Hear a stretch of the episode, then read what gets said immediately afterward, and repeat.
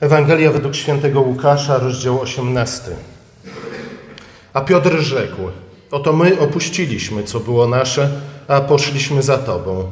On zaś rzekł do nich: Zaprawdę powiadam Wam, że nie ma takiego, który opuściłby dom, czy żonę, czy braci, czy rodziców, czy dzieci dla Królestwa Bożego, a nie otrzymał w zamian daleko więcej w czasie obecnym, a w świecie przyszłym żywota wiecznego. Oto Słowo Boże.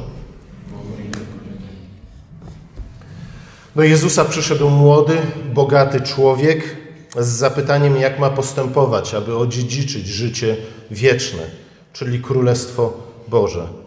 W odpowiedzi Jezus powiedział: Przecież znasz przykazania. Na co młody człowiek odrzekł: Oczywiście, wszystkich ich przestrzegam od młodości mojej. Bardzo odważne stwierdzenie. Wtedy Jezus odrzekł: Jednego ci brakuje. Sprzedaj wszystko, co masz, a potem przyjdź i naśladuj mnie. Człowiek młody i bogaty zmartwił się wielce, ponieważ, jak czytamy, miał wiele bogactwa, więc wiele musiał sprzedać i odszedł. Jak stwierdza zgodnie zarówno Jezus, jak i apostoł Paweł, miłość jest wypełnieniem prawa. Miłość Boga i miłość bliźnie, bliźniego. W rzeczy samej nie możemy mówić, że kochamy Boga, jeśli nie kochamy naszego bliźniego. Wtedy nasze deklaracje miłości Boga są puste i kłamliwe. Najwyraźniej młody człowiek nie miał w sobie ani jednego, ani drugiego. Istnieje sposób, w jaki możemy spełniać przykazania, a jednocześnie nie spełniać ich. Spełniać przykazania, a jednocześnie nie kochać ani Boga, ani bliźniego naszego. Czyli innymi słowy, spełniać je tylko i wyłącznie na pokaz, formalnie, ale nie rzeczywiście. Jezus później powiedział, jak trudno jest wejść do Królestwa Bożego ludziom bogatym. Całe szczęście, że nikt z nas nie jest bogaty. Ponieważ ludzie bogaci są podobni do obładowanego, obładowanego wielbłąda, który próbuje przecisnąć się przez ucho od igły, co jest rzeczą prawie że niemożliwą, a gdybyśmy nawet tego dokonali, wielbłąd przeszedłby zdecydowaną transformacją i prawdopodobnie już nie byłby wielbłądem. Wymóg, który Jezus postawił Jezusowi, y, który Jezus postawił temu młodemu bogaczowi, może na pierwszy rzut oka zdawać się radykalny, wręcz niemożliwy do spełnienia. Któż mógłby pozbyć się całego swojego majątku? Nie ma takiej osoby na świecie, która rzeczywiście by sprzedała wszystko, co ma. Może za wyjątkiem świętego Franciszka. Ale Jezus mówi, że nie. Apostołowie dokładnie to uczynili. W zasadzie to Piotr przypomina o tym Jezusowi i Jezus temu nie zaprzecza. Tak, rzeczywiście apostołowie uczynili dokładnie to. Przypomnijmy sobie w jaki sposób, czy to Piotr, czy na przykład Mateusz, celnik, zostali powołani. Zostawili wszystko, co mieli, po to, aby pójść za Chrystusem. Ze względu na Ewangelię o Królestwie Bożym, którą głosił Jezus i którą również oni mieli głosić. To żądanie, które Jezus stawia przed młodym, bogatym człowiekiem, jest tak naprawdę próbą wiary, jest testem. Testem na to, co dla niego jest najważniejsze. Jednocześnie jest również wskazówką tego, co jest istotą wiary, co jest istotą tej zbawczej więzi z Bogiem. Każdy z nas ma jakąś relację, a nawet każdy z nas ma osobistą relację z Jezusem ale nie każda relacja z Jezusem jest relacją zbawczą. Jezus tutaj przypomina nie tylko bogatemu młodzieńcowi, ale też nam, co jest istotą tej zbawczej relacji z Jezusem. Wówczas, jak już mówiłem, Piotr odzywa się i mówi: Panie, ale przecież myśmy wszystko opuścili. Niektórzy twierdzą, że Piotr próbuje się tutaj targować z Jezusem, ale nie. Piotr po prostu stwierdza, jak było. Myśmy wszystko opuścili. Jezus temu nie zaprzecza. To z kolei oznacza, że widzimy tutaj wyraźny kontrast między bogatym młodzieńcem z jednej strony, a z drugiej strony właśnie apostołami. Apostołami, którzy jeszcze nie byli dojrzali w wierze, apostołami, którzy później wiele razy zawiodą zarówno Jezusa, jak i nas wszystkich, a jednak poszli za Jezusem, zostawiając za sobą wszystko, zostawiając za sobą wszystko, co mieli. Jezus, lista rzeczy, które Jezus wymienia, rzeczy pozostawionych dla Królestwa Bożego, zawiera nie tylko majątek, nie tylko bogactwo, ale także bliskich, żonę, braci, rodziców, dzieci. Jezus zatem koncentruje, koncentruje uwagę swoją i naszą na poświęceniu życia rodzinnego dla Ewangelii. To z kolei brzmi jeszcze bardziej radykalnie niż sprzedanie całego swojego majątku. Przecież rodzina, małżeństwo jest pierwszą instytucją ustanowioną przez Pana Boga, czy nie należy do porządku stworzenia i dlatego jest istotna i ważna, a jednak, a jednak warto pamiętać przy tym, że nie jest to wezwanie do porzucenia domu, żony, dzieci. Nie jest to kategoryczne wezwanie, nie jest to wezwanie skierowane do wszystkich ludzi.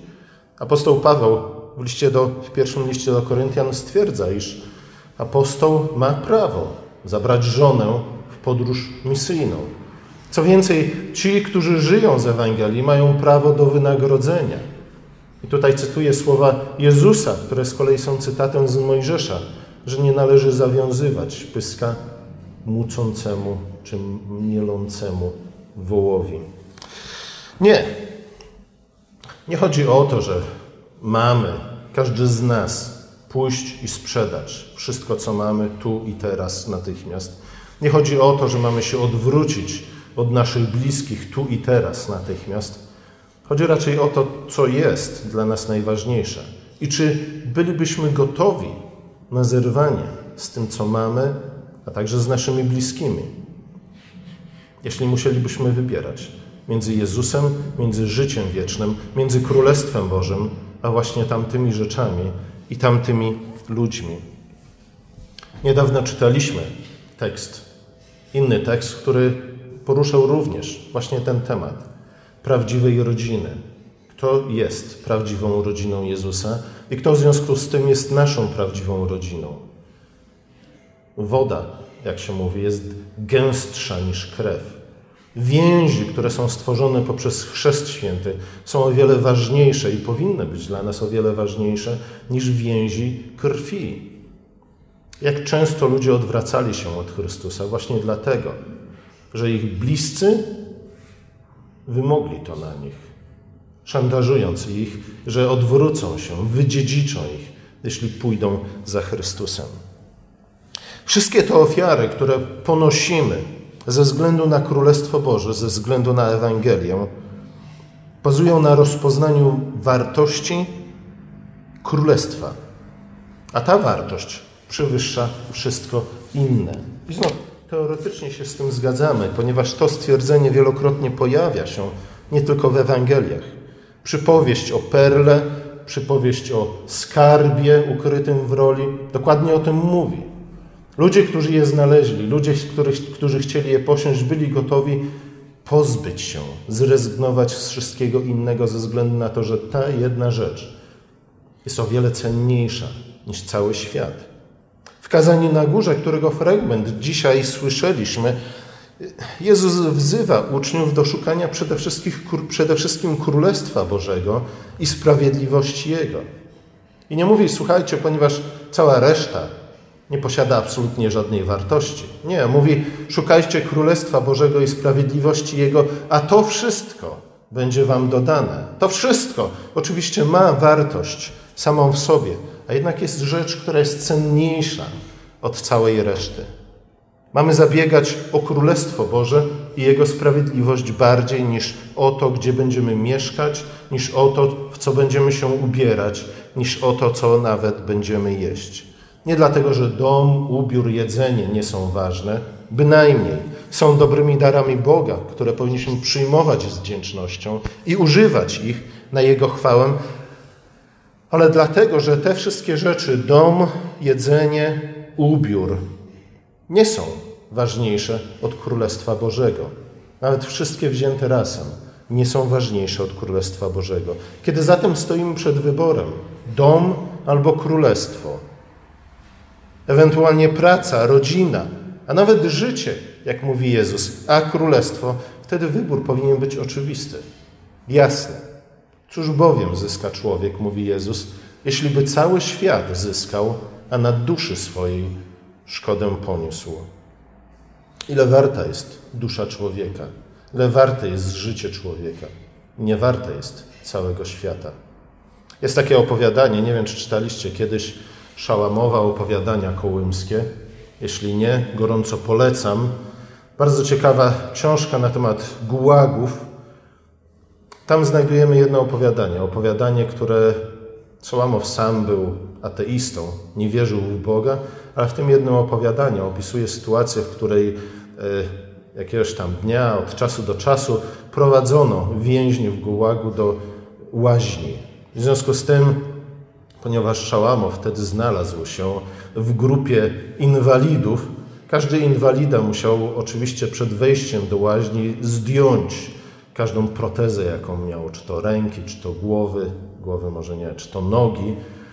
Szałamow nie miał żadnej protezy i wtedy strażnik pyta się, Warłam, a ty co oddasz na przechowanie? Co mi oddasz? A Szałamow mówi, nie mam nic do oddania. I wtedy strażnik mówi, a może oddasz mi swoją duszę? I wtedy Szałamow, ateista, mówi, nie, duszy ci nie oddam. Nawet ten ateista rozpoznawał wartość duszy człowieka, która zdecydowanie przewyższa wartość całego świata. W kontekście Ewangelii oczywiście wartość duszy jest wartością życia wiecznego, które mamy w Chrystusie, jest wartością Królestwa Bożego. Nie, tego nie oddam, ponieważ jeśli to oddam, jeśli z tego zrezygnuję, to nawet jeśli zyskam cały świat, tak naprawdę wszystko stracę. Jezus zatem nie tylko rozpoznaje ofiarę uczniów, jaką złożyli dla Królestwa, ale też zapewnia ich, że otrzymają od Boga o wiele więcej niż poświęcili dla Królestwa. I to nie tylko po śmierci, ale także tu, w tym życiu. Cyryl Aleksandryjski, swoją drogą dość łebski człowiek, komentując ten fragment pisma, napisał, co następuje. Jeśli człowiek opuści dla Chrystusa swój dom, to w zamian, w zamian otrzyma mieszkanie w niebie. Jeśli człowiek opuści ojca, to zyska ojca w niebie. Jeśli zostawi swoich krewnych, to Chrystus będzie mu bratem. Jeśli zostawi żonę, to zwiąże się z mądrością, dzięki której wyda potomstwo duchowe. Jeśli straci matkę, to zyska nową matkę, nową Jerozolimę. Jeśli w tym życiu doświadczy miłości, jeszcze w tym życiu doświadczy miłości od braci i sióstr, z którymi połączy go głęboka więź duchowa. Te ostatnie słowa nie zawsze są prawdziwe, ale może właśnie dlatego powinniśmy dołożyć wszelkiej, wszelkiego starania, aby stały się prawdziwe, aby rzeczywiście ci, którzy muszą zrezygnować z domu, z tych najbliższych więzi, jakie określają naszą tożsamość i są tą kotwicą w naszym życiu, żeby rzeczywiście wśród z nas znaleźli braci i siostry, i matki, i ojców lepszych niż ci, którzy się od nich odwrócili. Dzieje apostolskie, zesłanie Ducha Świętego mówią nam o wypełnieniu właśnie tych słów Jezusa. Czyż Piotr, do którego mówił Jezus, nie zyskał tego dnia trzy tysiące braci i sióstr? O wiele więcej niż ci tych, których zostawił za sobą. Pójście za Jezusem, naśladowanie Jezusa to poważna sprawa, z czego może nie zawsze sobie zdajemy sprawę. Młody bogacz sądził, że jest oddany Bogu. Był jednak podobny do faryzeuszów, którzy uważali, że jeśli będą skrupulatni w oddawaniu dziesięciny, także będą oddawać ją nawet z kopru i z czego tam jeszcze, e, to mogą zapomnieć o miłosierdziu i o sprawiedliwości. Dlatego też Jezus rzuca, stawia to wyzwanie nie tylko faryzeuszom, nie tylko młodemu bogaczowi, ale nam wszystkim. To wyzwanie, które ujawnia tajemnicę naszego serca, aby objawić, abyśmy przede wszystkim my sami przed sobą odpowiedzieli szczerze na to pytanie: jaka jest nasza hierarchia wartości? Jaka jest nasza lista priorytetów? Być może jest równie głęboko zaburzona, jak w przypadku tego młodego, bogatego człowieka, któremu wydawało się, że życie ma tak poukładane, iż niemalże niczego mu nie brakuje, tylko poklepania go po, plecy, po plecach przez Jezusa i zapewnienia: tak, sługo mój dobry i wierny, wejdź do odpocznienia mego. Tego jednak nie otrzymał, co oznaczało, że cała reszta była bezwartościowa. Nawet mimo obietnicy życia wiecznego, bogaty młodzieniec wybrał doczesne bogactwo. Wybór młodzieńca był, Jezus podsumował stwierdzeniem, że znów dla takich ludzi niemożliwe jest wejść do Królestwa Bożego, gdyż nie są gotowi porzucić tego fałszywego w gruncie rzeczy poczucia bezpieczeństwa, jakie czerpią ze swojego majątku.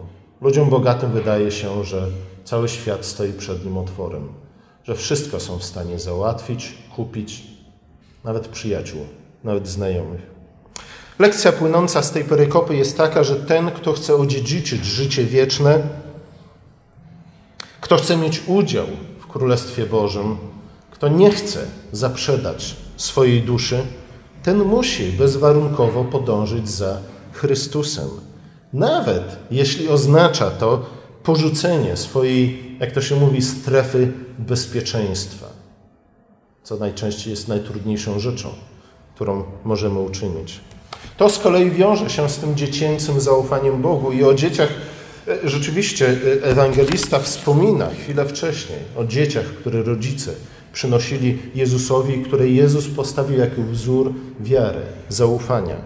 Musimy znaleźć w sobie to dziecięce zaufanie do Boga i porzucić ufność w człowieku, w człowieka, a także ufność w samych siebie, w nasze zdolności, w nasze możliwości, w nasze bogactwa, a czasami może nawet w klan, do którego przynależymy.